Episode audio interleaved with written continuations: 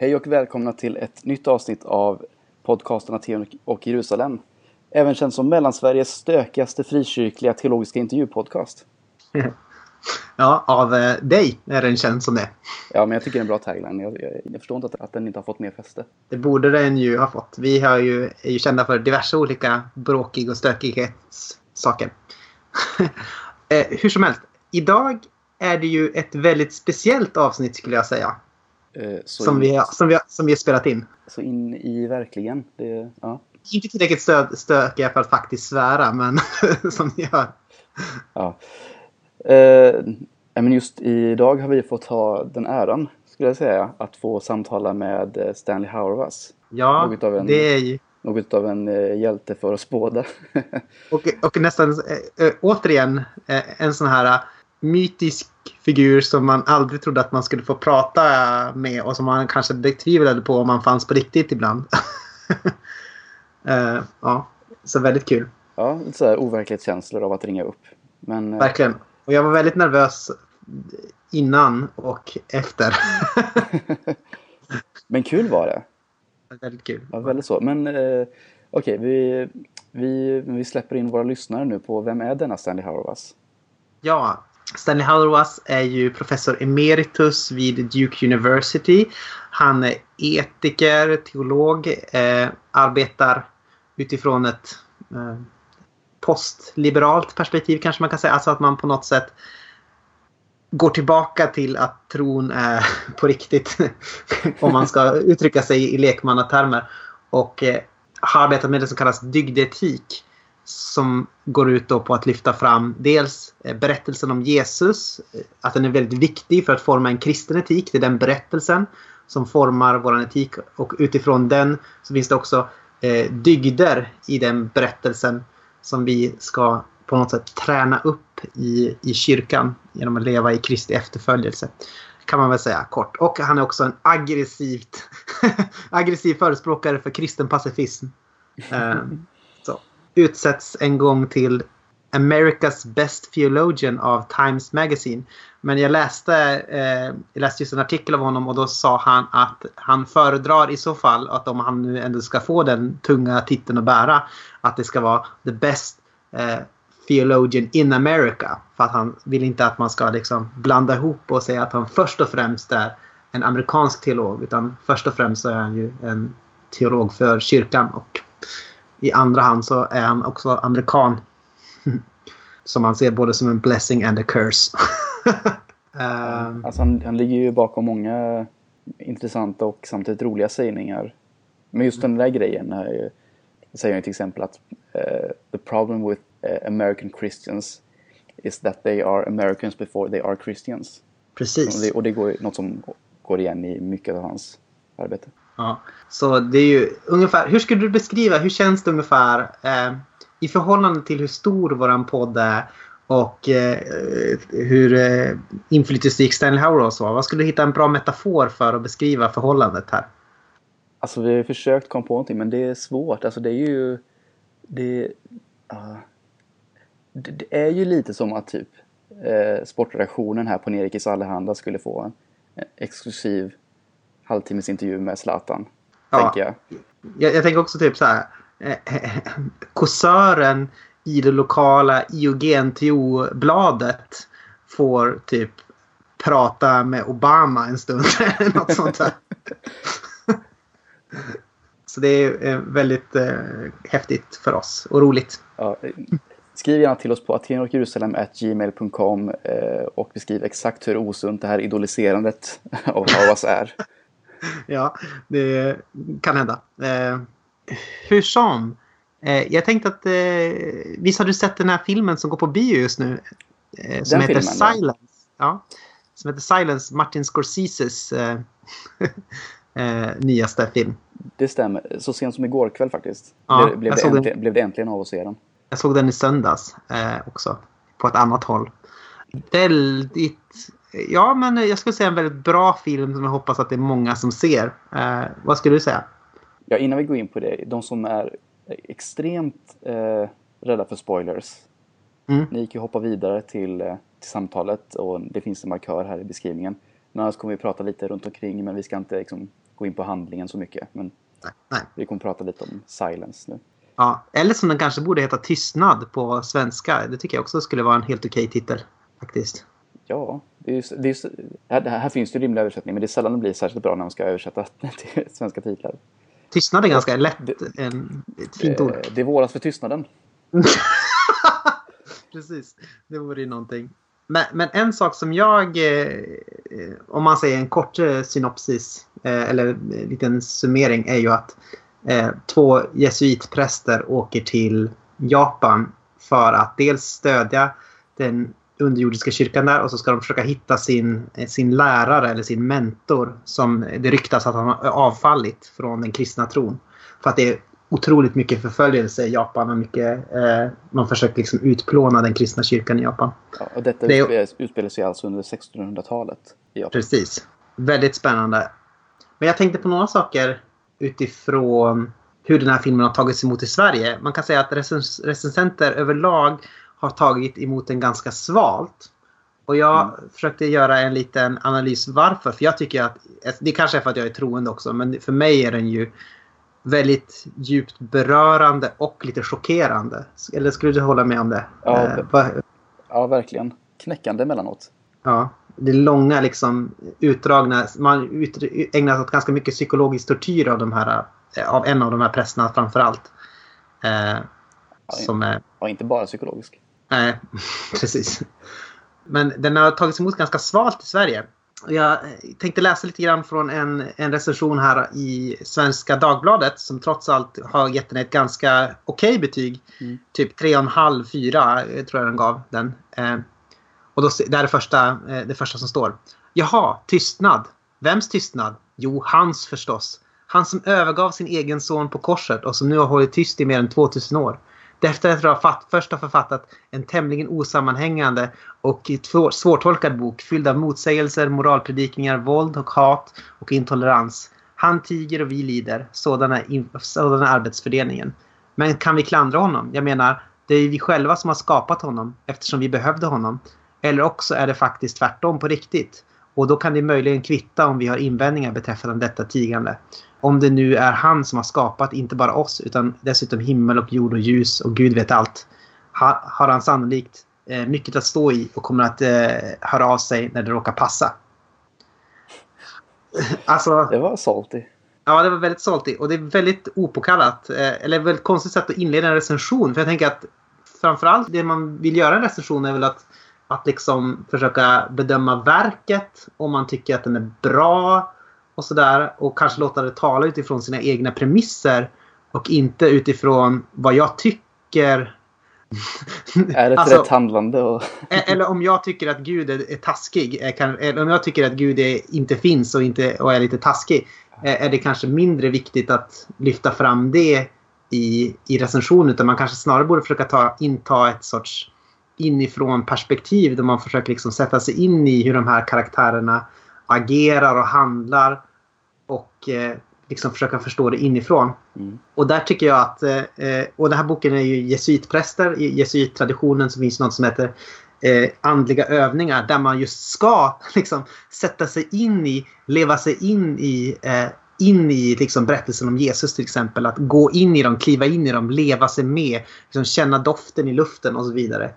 Alltså att sätta in sig själv i det här sammanhanget. Och det här recensionen, eh, och jag tycker nästan alla recensioner, är ju ett påtagligt exempel på att man misslyckas med att inta ett inifrån perspektiv. Och att därför så skulle jag säga att de svenska recensenterna är i desperat behov av mer ignatiansk andlighet. Faktiskt. Och då kanske de skulle kunna ge en vettig eh, recension av de här. Eh, Och det behöver man inte vara så att man håller med mig om att den är jättebra. Men att man, att man åtminstone försöker liksom kliva utanför sig själv en, en stund. Eller sitt eget sammanhang en stund. Men Sen så tycker jag Exakt, det är sånt där går ju igen ofta liksom i all sorts rapportering som gäller ja, kristen tro i stort. Ja, och amerikanska recensenter är mycket bättre på det här. Och engelska också för den delen. För de, det, är inte, det är inte nödvändigtvis så att de är kristna själva eller att de liksom säger att det här, det här är så bra för att det bekräftar min tro. Utan snarare att man be, försöker bedöma liksom utifrån dess inre kvaliteter. Utifrån, ja men jag kliver in i den här världen och bedömer det därifrån. Liksom. Är det rimligt då? typ? Så det tycker jag att det kan vara rimligt att vara lite mer ignatiansk där och svenska kritiker. ja, verkligen. Det tänker jag att man kan gärna ta med sig in i biosalongen. Att det är just den här jesuitiska spiritualiteten är, liksom en, är en viktig nyckel för att förstå den här filmen. Ja, verkligen. Särskilt mot slutet. och jag skulle säga att många eh, också ger, anklagar den här för eller anklagar karaktärerna för att vara lite ytliga och gnälliga typ. ja, och det tycker jag är lite konstigt. Eh, eller en del recensenter. Att de, lite, att de är lite gnälliga? Att de är lite gnälliga för att de utsätts för tortyr och sånt där. Och att de, och att de inte har tillräckligt mycket liksom, djup i sin karaktär och sina så här, ifrågasättanden av Guds, tystnad, äh, Guds tystnad. Så här, utan, att de, utan att de stannar på ett ytlig nivå. Och jag tänker så här. När man utsätts för någonting som är hemskt. Så då håller man inte på att teoretisera särskilt mycket. Och eh, liksom objektifiera det, sätter det på avstånd. så. Utan då är det väldigt mycket så att man lever sig in i bara en enda fråga. Typ, ja men gud finns du där? Skulle jag säga utifrån egen erfarenhet. Alltså det är inte så att man, att man kommer med massor med snajdiga teorier i det läget. och då tänker jag att eh, ja, ignatiansk andlighet kan behövas där. Återigen för att eh, liksom, leva sig in i hur det faktiskt är att leva under sådana här omständigheter. Och, och, jag tänkte på det också att eh, det är ju inte teo, ja, som Stanley Hauerwas säger. Mm. If you need a theory to worship God, then worship your fucking theory. Alltså, det är inte, det är inte att man har en massa snajdig teori som avgör djupet i ens Guds tro i, i första hand, skulle jag säga. Ja, så det är jag lite missnöjd med. Men däremot så är det en väldigt bra film som jag tycker att ni borde se. Så. Ja, verkligen. Klart sevärd. Ja, det här kommer nog vara en av toppfilmerna under året, ska, kan jag mycket väl tänka mig. Ja. Va, eh, har du någonting, tänker du vi skulle lägga till någonting med, om tystnad? Den, tystnad? Eller jag menar silence som det heter på svenska. Engelska. Ja, nej, men det, är, det, är ju, precis, det är just det jag tänkt på och håller med dig. Att, det, att den här jesuitiska spiritualiteten liksom är en, en nyckel för att förstå det här. Och eh, sen i övrigt är det så, lite svårt för mig att säga mer utan att gå in på själva handlingen för mycket kanske. Ja, precis. Men den är värd att se och eh, sen kan ni prata med Simon jättemycket om innehållet. Ja, för all del. Finns på simon.co.axelsson.gmail.com mm. mm. Men eh, ja, med de orden så går vi vidare till vårt samtal med, eh, ja, hör och häpna, Stanley Hauerwas. Nu kör vi!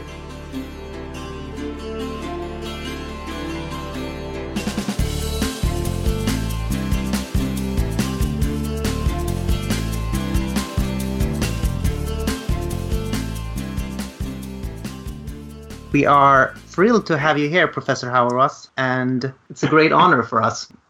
I'm pleased to be here. So, 2017 is the year of the 500th anniversary of the Protestant Reformation. It's the year of sola scriptura, so to speak. But you've famously proposed that the Bible should be taken out of the hands of the individual believer. How come? Uh, the individual American believer. it was it was directed uh, primarily at uh, American, um, directed primarily at Americans because that's who I knew.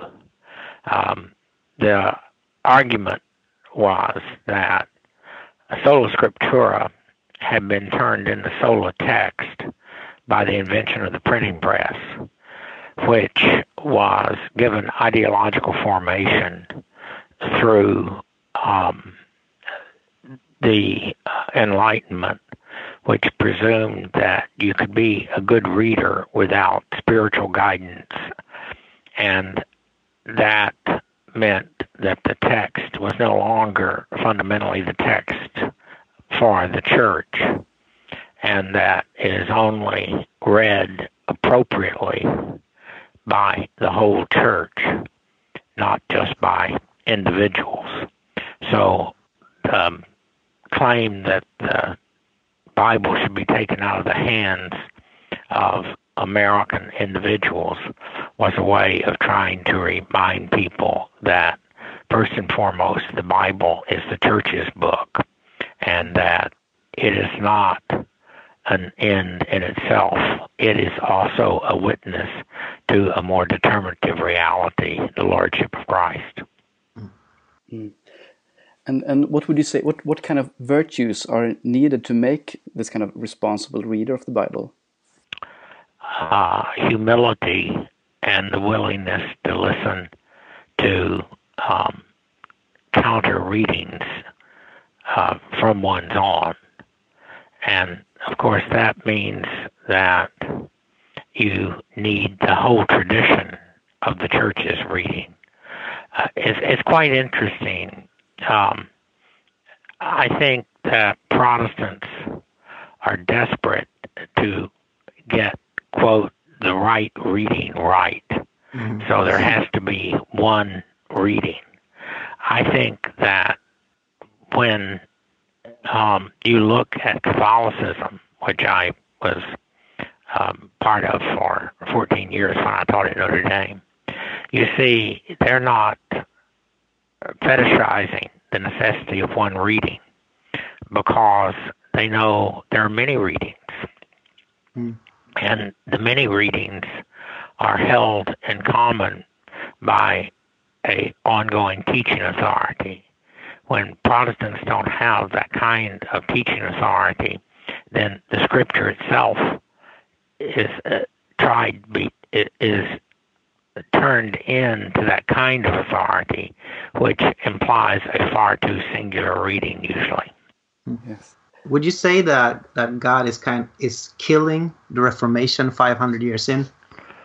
Well, I I've said I think the Reformation is coming to an end, um, and uh, the very language of Protestantism indicates we are a protest movement within the Church Catholic, and therefore Protestantism has always or should have been a an ecclesial movement that hungers for Christian unity through each of us being as faithful as we can to the gospel. When Protestantism became an end in itself and no longer had a vocation to be a witness to the Church Catholic, then things started going to hell in a handbasket. and I think that um, um, you know, it's you shouldn't make too many generalizations, but I think that we are looking at the um, loss of Protestantism um, in the world as we know it. I mean, the, that that's not only true in advanced industrial societies like America, um, but I think also in mission uh, fields where uh, native churches are taking on a much more um, um, a commitment for the witness to the gospel than um, Presbyterians, Baptists, and so on. Yeah. Some theologians, like for instance Sarah Coakley and Graham Ward, has turned to contemplation as a source for knowledge about God. And, and what kind of place does personal piety have in your theology? Not much. I I'm uh, I'm a, I'm a great enemy of pietism. Um, I think pietism as a movement out of the 17th century uh, was an attempt to recover the significance of the body after the Reformation and the development of the Reformation into orthodoxy. Um, and so it's it's a mistake to be too critical of the pietist movement. But generally, I think the pietist movement has resulted in people who think they have to have a personal relationship with God, which they then go to have, which they then go to church to have expressed. Uh, the problem with that is, of course, it makes the church secondary to the relation with God. And I think that's a deep mistake. I mean, my my way of trying to be offensive about it is to literally argue there's no uh, there's no salvation outside the church, and um, um, that's a way of trying to call into question that kind of um, pietistic relationship of the self with God that is so characteristic of much of, in particular, uh, Christianity in America.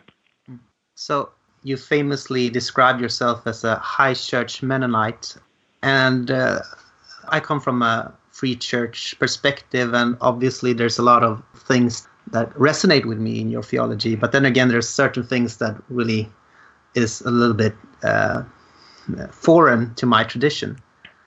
And since there aren't a whole lot of, of high church Mennonites out there, I wonder is there an actual community that can receive your theology, or is it written for a church with it, which is not yet in existence? Um, that's a terrific question. And the answer is I don't know. Mm. I certainly write for what I understand to be the coming great church. Mm. And the coming great church is a church that may well have been whittled down to the point that um, it has nothing to lose, so it might as well be the church. so I, um, uh, I, I think the kind of church I am calling for exists. I think it exists in um, Catholic churches. I think it uh, exists in Methodist and Episcopalian. Um, I um, so I don't think it's an ideal waiting to happen. I think it's happening all over, and people. I'm trying to give voice to that happening. Yeah, I was. I'm, I'm thinking you kind of you, you have also described yourself as a, as a congregationalist with Catholic sensibilities, and I think that kind of. I mean, Catholic makes, sensibilities says it has bishops. yeah. yeah, but it, it kind of makes sense that you start from the bottom up, uh, and yes. there are these local local uh, initiatives that kind of looks like the church. Well, come, I take so it that that's yeah. I take it that that's the heart of Catholic ecclesiology. Mm. Remember, the whole the whole church exists in the gathered people at a particular Eucharistic feast. That's the whole church. That's the church uh, in heaven, and therefore I um, do not think that what I'm saying is in any way in contradictory to uh, Catholic ecclesiology. The role of the bishop in that, and you know, Free Church says, "Oh, we don't have bishop," but of course you do. They're called presiding ministers and so on. Um, um, but the role of the bishop is to make um, local gatherings around the Eucharist know one another in a manner that when one moves from one Eucharistic community to another, you have some hope you're worshiping the same God because you've shared your narratives. I take it that that's what's happening um, with um, uh, the church around the world that it's actually people who have learned stories in one context and shares those stories in another context in a way that their stories are enriched. We're gonna uh, slide over a little bit to the question of the relationship to the Jews. Uh, your your theology is, is very much uh, furiously Christocentric and, yeah. and, very and very much about the church as a community set apart. Uh, and yet you're also uh, very outspoken against supersessionism. So I, I, I wonder a little bit how does the church uh, relate to the synagogue in your theology? Um, with appropriate humility and a humility that has been shaped by a confession of sin concerning the Christian persecution of the Jew over the centuries, climaxing, of course, in Nazi Germany. So, Christians, first task in relationship to the synagogue is to listen and be ready to protect um, because anti Semitism doesn't go away, it just goes under. So um, I have very strong views about how Christians must um, recover first and foremost that we have been grafted into the people of Israel through the cross. Yeah, you you have described Jesus as as the summation and the fulfillment of the promises given to Israel. Uh, yeah, that's Irenaeus. Yeah. How how does that fulfillment relate to Jews living in the time after Christ? Um, we don't know. We have to wait and have them tell us. Mm-hmm. Um, uh, I, I mean, I think that issues of what it means for Jesus to be Israel's Messiah is an ongoing in MacIntyre's work uh, in terms an epistemological crisis that is ongoing. It's been ongoing for 2,000 years. we're still trying to figure out um, uh, what our relationship is to Israel and Israel's relationship to us. Keeping the tension, so to speak. Yes. Mm-hmm. So, how do you think that Christians should relate to the state of Israel? Basically, to keep our mouths shut. Mm-hmm. Uh, I, um, um, I think that, of course, the people that have suffered the most are the Palestinians and in particular Christian Palestinians. And uh, I um, think it is uh, incumbent on Christians to uh, support the Palestinians uh, against the state of Israel's uh, persecution. I, uh, um, but it's hard to say that um, without underwriting certain kinds of anti-Semitism, and so you have to be very careful. So, what do you think that Christians can learn from the Jews uh, now that we're living in the dying days of Constantinism? Well, hopefully, the dying days of Constantinism, right. perhaps. uh, John Yoder said there was a people who believed that they could exist as a people without a state, without an army, uh, and were bound together fundamentally by lives of holiness reflected in their law. He said, There was a people who lived, therefore, like Jesus wanted us to live. They're called Jews. so, what if the irony is that Jesus called the Gentiles into the Jewish promise in order to make the Jews live like Christians were called to be?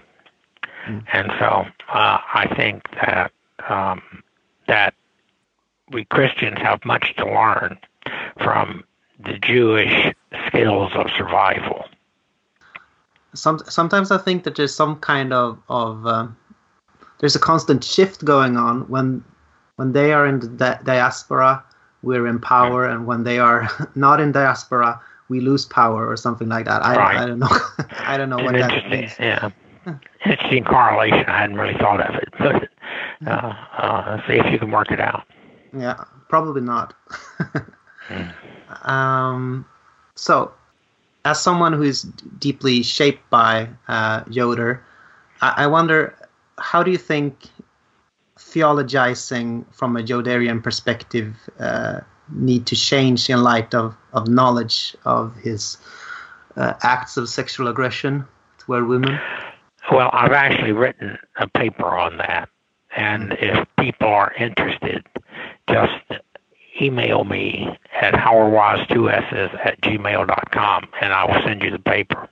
Uh, I think the deepest challenge is not whether John's actions were incompatible with his um, commitment to nonviolence, but rather whether there is continuity between the way he argued for nonviolence and his behavior. Um, in other words, the, the eschatological claims he made for what makes our following of Jesus as a nonviolent Savior intelligible. He also used to say that Jesus fundamentally changed the relationships between men and women, making possible for there to be touching between men and women that is, quote, non sexual. I think that argument is just crazy. And uh, I try to show that. But uh, there are people, uh, some of the, my former students, who say that John's behavior so colors everything that he did, they they will no longer teach anything that he has written.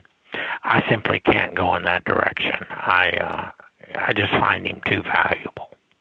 Mm. Well, he is a very valuable voice to the church, even despite everything. I agree. Yeah.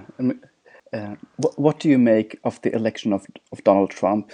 And, and, and why did the white evangelical Christians support him in the way they did? I don't know the answer to the latter.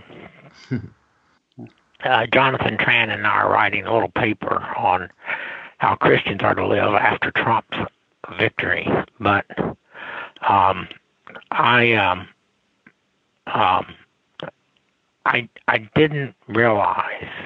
I think, along with many Americans, how deeply alienated many um, white people felt in this country over identity politics. And I think Trump tapped into that, and um, it's uh, a very dangerous time. Mm. Um, um, given his election, and so um, I I don't I don't use the F word very quickly, but uh, there are certainly a feel of certain kinds of fascism that's mm. associated with these developments that I find uh, absolutely um, frightening. Mm. Well, could one say that it's he kind of created a new identity politics that's very far out right? Uh, yes, of course. Mm. I mean, Banyan seems to have been his primary ideological um, person that shaped this uh, strategy. It must look like, I'm sure in Sweden, like Americans have gone crazy. Yeah, well, yes. and, and they have. mean, right. well, we have a few minutes left. I'm just going to check with you, Anton. Uh, do you want to... Uh, we skipped this uh, question about marriage. Do you want to do that one or should we uh, wrap this one up? Oh, yeah. Maybe I, I can uh, ask a, a, marriage question. Uh, as someone who is soon to be married... Um, what kind of practices do you think is necessary to make a marriage holy? The willingness to tell one another the truth.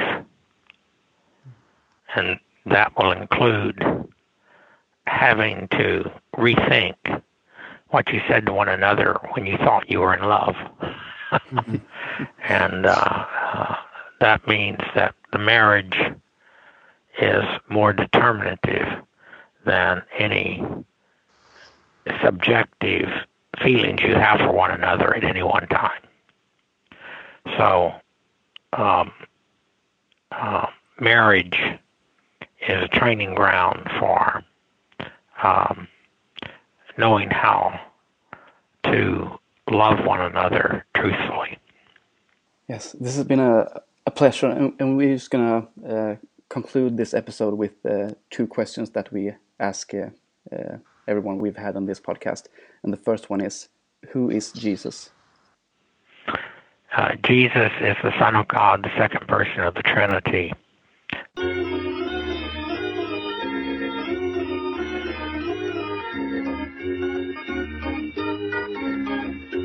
God who would have us be disciples of that person because discipleship is constitutive of the Christology that says everything changed with the conception of this person in the belly of Mary.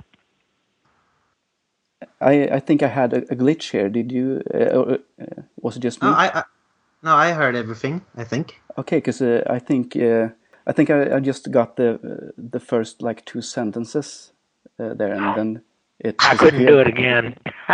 could, could could you do it? That would be great.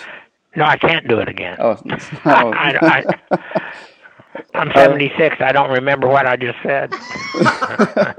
it's no problem. I, I will check back on this uh, recording and see what I, what we'll have. We will leave that one hanging. Okay, and lastly, who do you think we should interview uh, in the future for this podcast? Um, well, there are a lot of um, of um, very interesting people. Have y'all ever interviewed Shane Clay- Claiborne? Oh yeah, we have.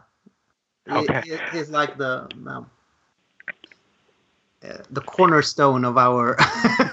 Yeah, Shane is such an interesting person. I, just think. Um, um, there's a young there's a young theologian at Baylor University named Jonathan Tran. I would try to get Jonathan to be interviewed.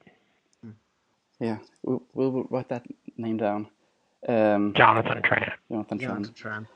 He he's he uh, he comes from Vietnamese Vietnamese family, but he was born in America. But he's um, he he's clearly Asian in in a way that I think you would find interesting. Hmm. And given the immigration issues in Sweden, I mean, as far as I can see, the Swedes didn't know they were racist until they start getting started getting some dark-skinned Romanians. But uh, there, uh, there you are. Yeah, that's So, that's very true. I, I wonder. Just uh, uh, I was going to ask this, but I but I um, I, I took it off the the, the sheet. Uh, what's your impression of the Swedish Free Church movement? Uh, you've been here a few times, right? the Swedish research, Yeah, F- Free Church. Free Church. oh, Church. the Free Church movement. Yeah. Sorry. I think, um, I, uh, um, as far as I can see, one of the worst things that happened to the Free Church movement in Sweden was the disestablishment of Swedish Lutheran Church for the state, because Free Church people in Sweden knew they were not Lutherans. now, since Lutherans don't know what it means to be Lutheran, it's not clear the Free Church knows what it means to be Free Church. so I think y'all are in something of an identity crisis, and it'll be interesting to see how it works out. Yeah. I think we are. It will for sure. Uh, well, this has been great, and we're going to want to thank you once again for talking with us. You're us very today. welcome. I look forward to meeting you both sometime. Yeah. Well, you. very Take welcome care. to Sweden. Very welcome to Sweden again. Uh, Yeah, and uh, make sure and give Arnie my best. yeah, I will. Okay, thank you. Thank you. Bye-bye. Thank you. Bye. bye bye.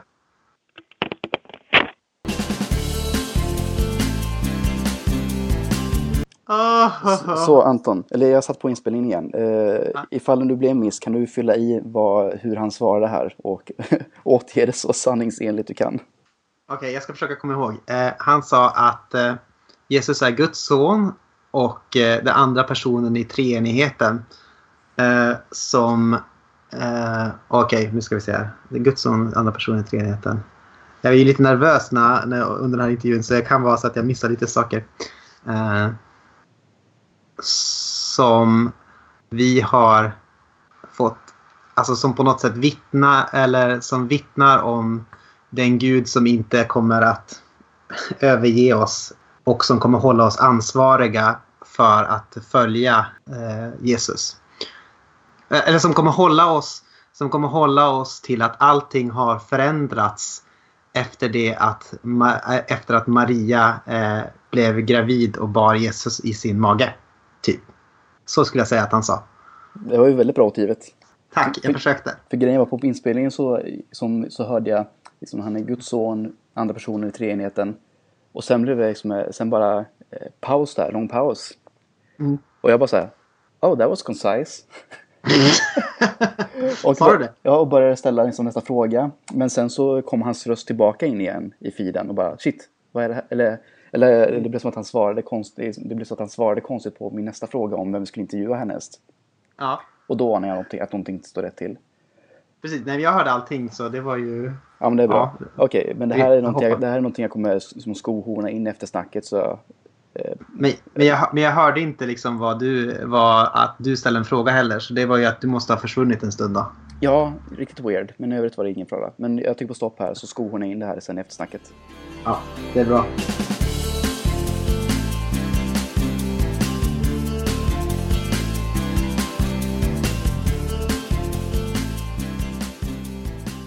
Där ja, nu är det dags för vårt eftersnack. Efter vårt samtal med eh, Stanley Hauerwas. Mm. Kul, trevligt. Ja, mycket.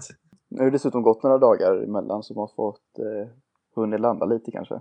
Ja, precis. Eh, väldigt... Eh, det har tagit några dagar. Eh, jag har tjatat på min trolovade Sofia eh, och sagt olika saker. Sen sa Stanley Hauerwas så här. Sen sa han så här. Och vet du vad han sa om det här då? Det här sa han. Hur de, vad hon tyckte om det? Hon har, eh, hon har tyckt att eh, hon har tyckt att det är lite tröttsamt efter ett tag. tror jag. Hon sitter liksom och gnuggar på den här ringen och bara undrar ifall, ifall du liksom satte den på rätt hand. Om det är värt det. Ja, precis. Det här var nog ämnad för Stanley. Jag och min, min kompis Stanley, eh, jag och min vän Stanley har, sagt, har pratat om det här. Eh, har du några saker som du skulle vilja ta upp från det här samtalet som du tyckte var värda att diskutera? Ja, det har jag. Alltså det en sak som, eh, eller det var mycket som stack ut, det var mycket som var intressant att ta i, men till exempel en var den här frågan om, eh, vänta, jag ska bara, jag ska bara leta upp det här dokumentet så, så att jag ställ, så att jag har det.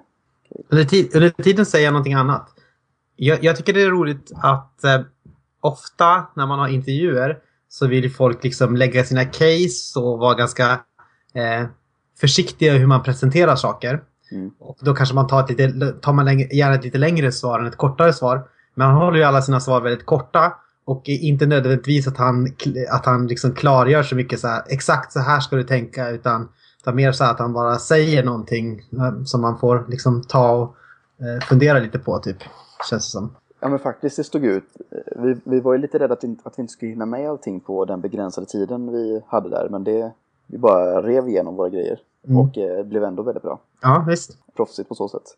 Ehm, ja, nej, men jag, jag tänkte på den här grejen när, när jag frågade honom om som, vilken plats har liksom, pers, liksom personlig eh, fromhet Mm. i din teologi?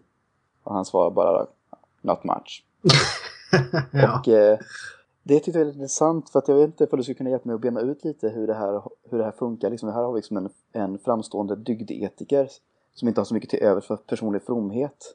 Ja, alltså jag, jag funderade på ett tag om han hade hört fel så att han pratade, alltså att han pratade om, bara om pietismen som en, som en grej. Men samtidigt så är han ju inte särskilt... Alltså jag lyssnade på någon intervju som han hade när de pratade om vilka inre andliga praktiker har ni för att upprätthålla, upprätthålla ett, ert engagemang? Och så satt det en nunna eller någon sån här lite eh, typ eh, modern hipp nunna som inte har på sig nunnedok och eh, kämpar mot dödsstraff och så här. Och hon sa liksom ja men jag gillar att gå på retriter och där, det där, det där och så där.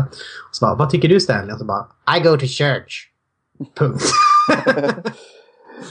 och så sen så eh, är han klar där och inte så intresserad av att prata om sina, eh, om vilket eventuellt andligt liv han har och så. Men det är väl väldigt men, mycket att, att, han, att han tänker på just kristen tro som en sorts Alltså ett socialt förkroppsligande av en, av en berättelse, berättelsen om Jesus då. då. Och då brukar han inte lägga så mycket emfas på personlig fromhet och sådär. Mm. Nej. Ja, det är väl som man säger I go to, I go to church. Då rimligtvis så på det följer egentligen en massa saker som har med det mm. att göra. Men vi, rätt mig om jag fel, men visst pratar vi någonting om det här med eh, om att ha en personlig relation till Jesus och mm. att det är eh, på grund av den här liksom, betoningen på att ha en personlig relation med Jesus har gjort att kyrkan blivit sekundär och, och att det är för honom då ett stort misstag.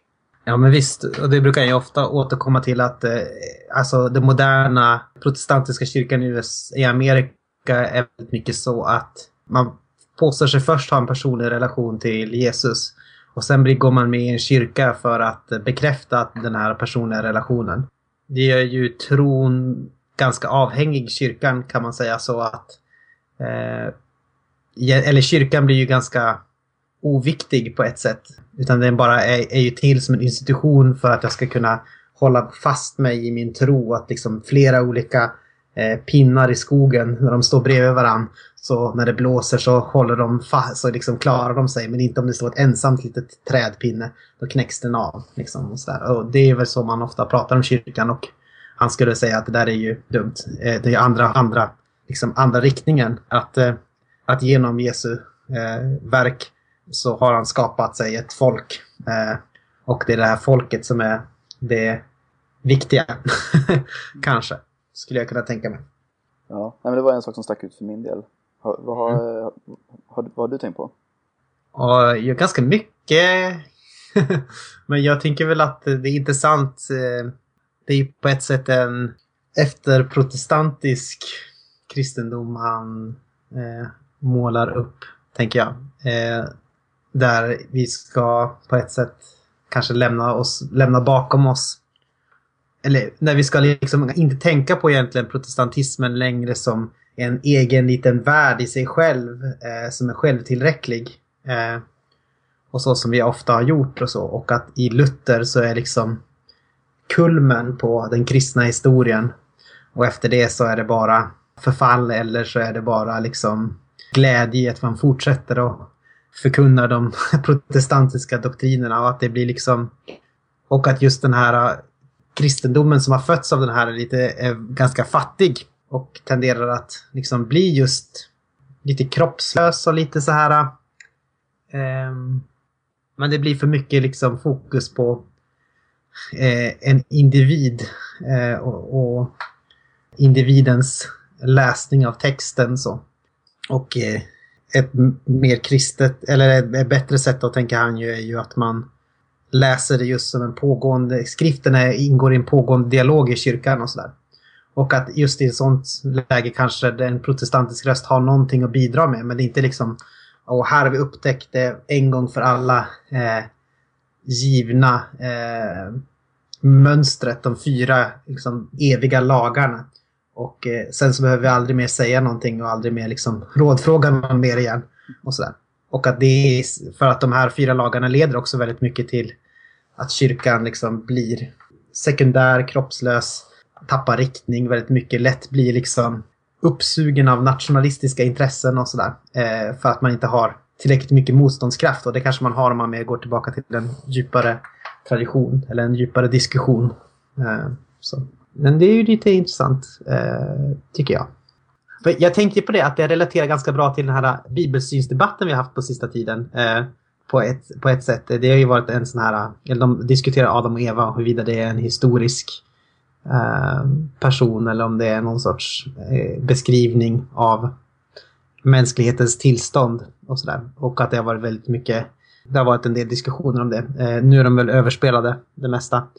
Men det jag tänker är intressant där det är ju att han säger att att protestanter är besatta av att hitta den enda sanna läsningen av texten. Så. Den, liksom, den, enda text, den enda läsningen som är liksom rätt. Och därför så blir det så mycket splittring och onödiga konflikter och så när man egentligen kanske kan...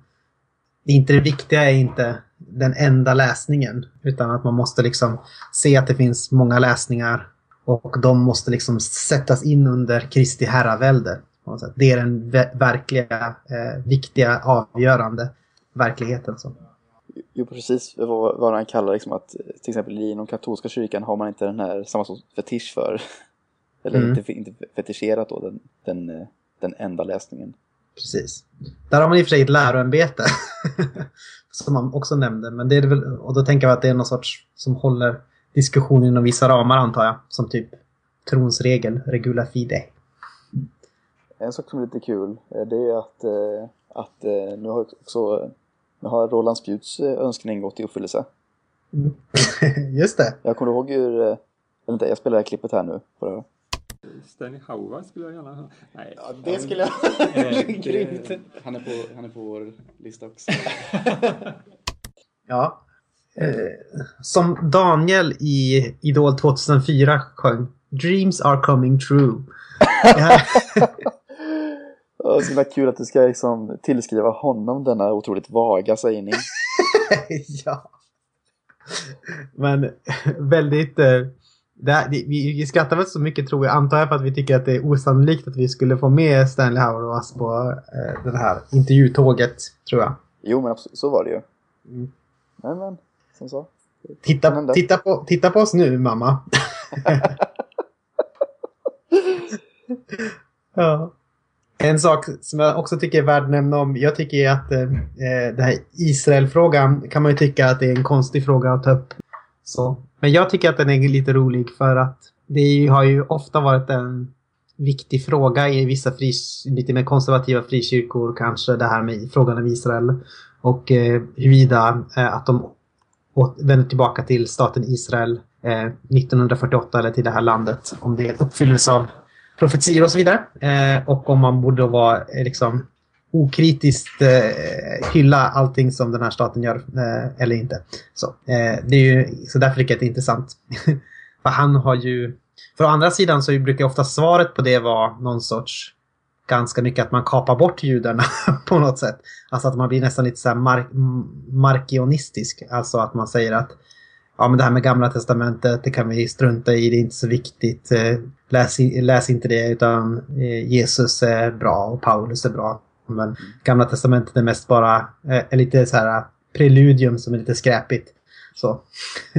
och, och, och, och, så å andra sidan finns det de då som jag skulle säga eh, och det är ju väldigt problematiskt då med tanke på att eh, det både har lätt att liksom vändas över i en sorts eh, antisemitism om man, inte är, om man är oförsiktig. Och eh, tänker jag att det kapar ju också bort att Jesus var jude och att Gud ändå har varit Gud är, Gud är Israels Gud som han eh, ändå till och eh, tillkännas Jesu var både i gamla och nya testamentet. Och så. Mm. Ja.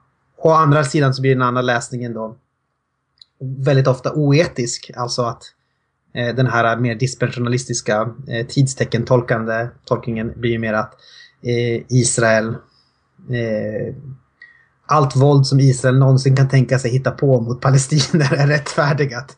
Eh, och, så. och då har man ju kapat bort Jesus å andra sidan. och det är ganska allvarligt att göra för, eller i alla fall Jesu undervisning om hur vi bör leva och det livet som han förkroppsligade. Och då är det kul med Stanley Hauerwas för han är ju både så att han vägrar att kapa bort liksom judiskheten och i Eh, och, eller på, kapa bort Jesus. I så fall har han hellre kognitiv dissonans än att göra någon av de movesen, tänker jag. det är kul, han är, han, är, han är fortsatt skarp. Jag var, alltså, kanske inte roligt, mer dråpligt då kanske när han, när han eh, sa det här att, att ni i Sverige liksom har just eh, kommit på att ni är rasister. Sen det börjar komma in mörkhyade rumäner inom era gränser. Bara, Uh, ja, jo. Så, Apparently Swedes didn't know they were racist. ja, det är väldigt bra faktiskt. Han är ganska träffsäker på många sätt. Mm. En dråplig människa. Som fortsätter, still going strong, 76 år gammal. Ja. Mm. Ja. Nej, i övrigt vet jag inte om jag hade något mer som jag tänkte säga. Här. Nej, jag, jag känner mig också hyfsat nöjd. Då så, då rundar vi av här. Eh, och i vanlig ordning, glöm inte bort att eh, gilla oss på Facebook, följ oss på Twitter och skriv till oss på atenochjerusalem.gmail.com. Och nu kan ni också stötta oss på patreon.com eh, och skänka ett litet bidrag varje månad om ni vill till Aten och Jerusalem. Okej, har vi sån nu? Eh, nu bestämde jag att vi har det, så då får vi Okej, ordna det tills när avsnittet kommer ut. Ja, men då så. Skicka länken till mig bara så lägger jag till det här. Så. Ja, det fixar. Fint. Eh, stort tack för att ni är med oss. Vi hörs nästa gång. Adios, amigos! Kan inte bara säga hej. Nej.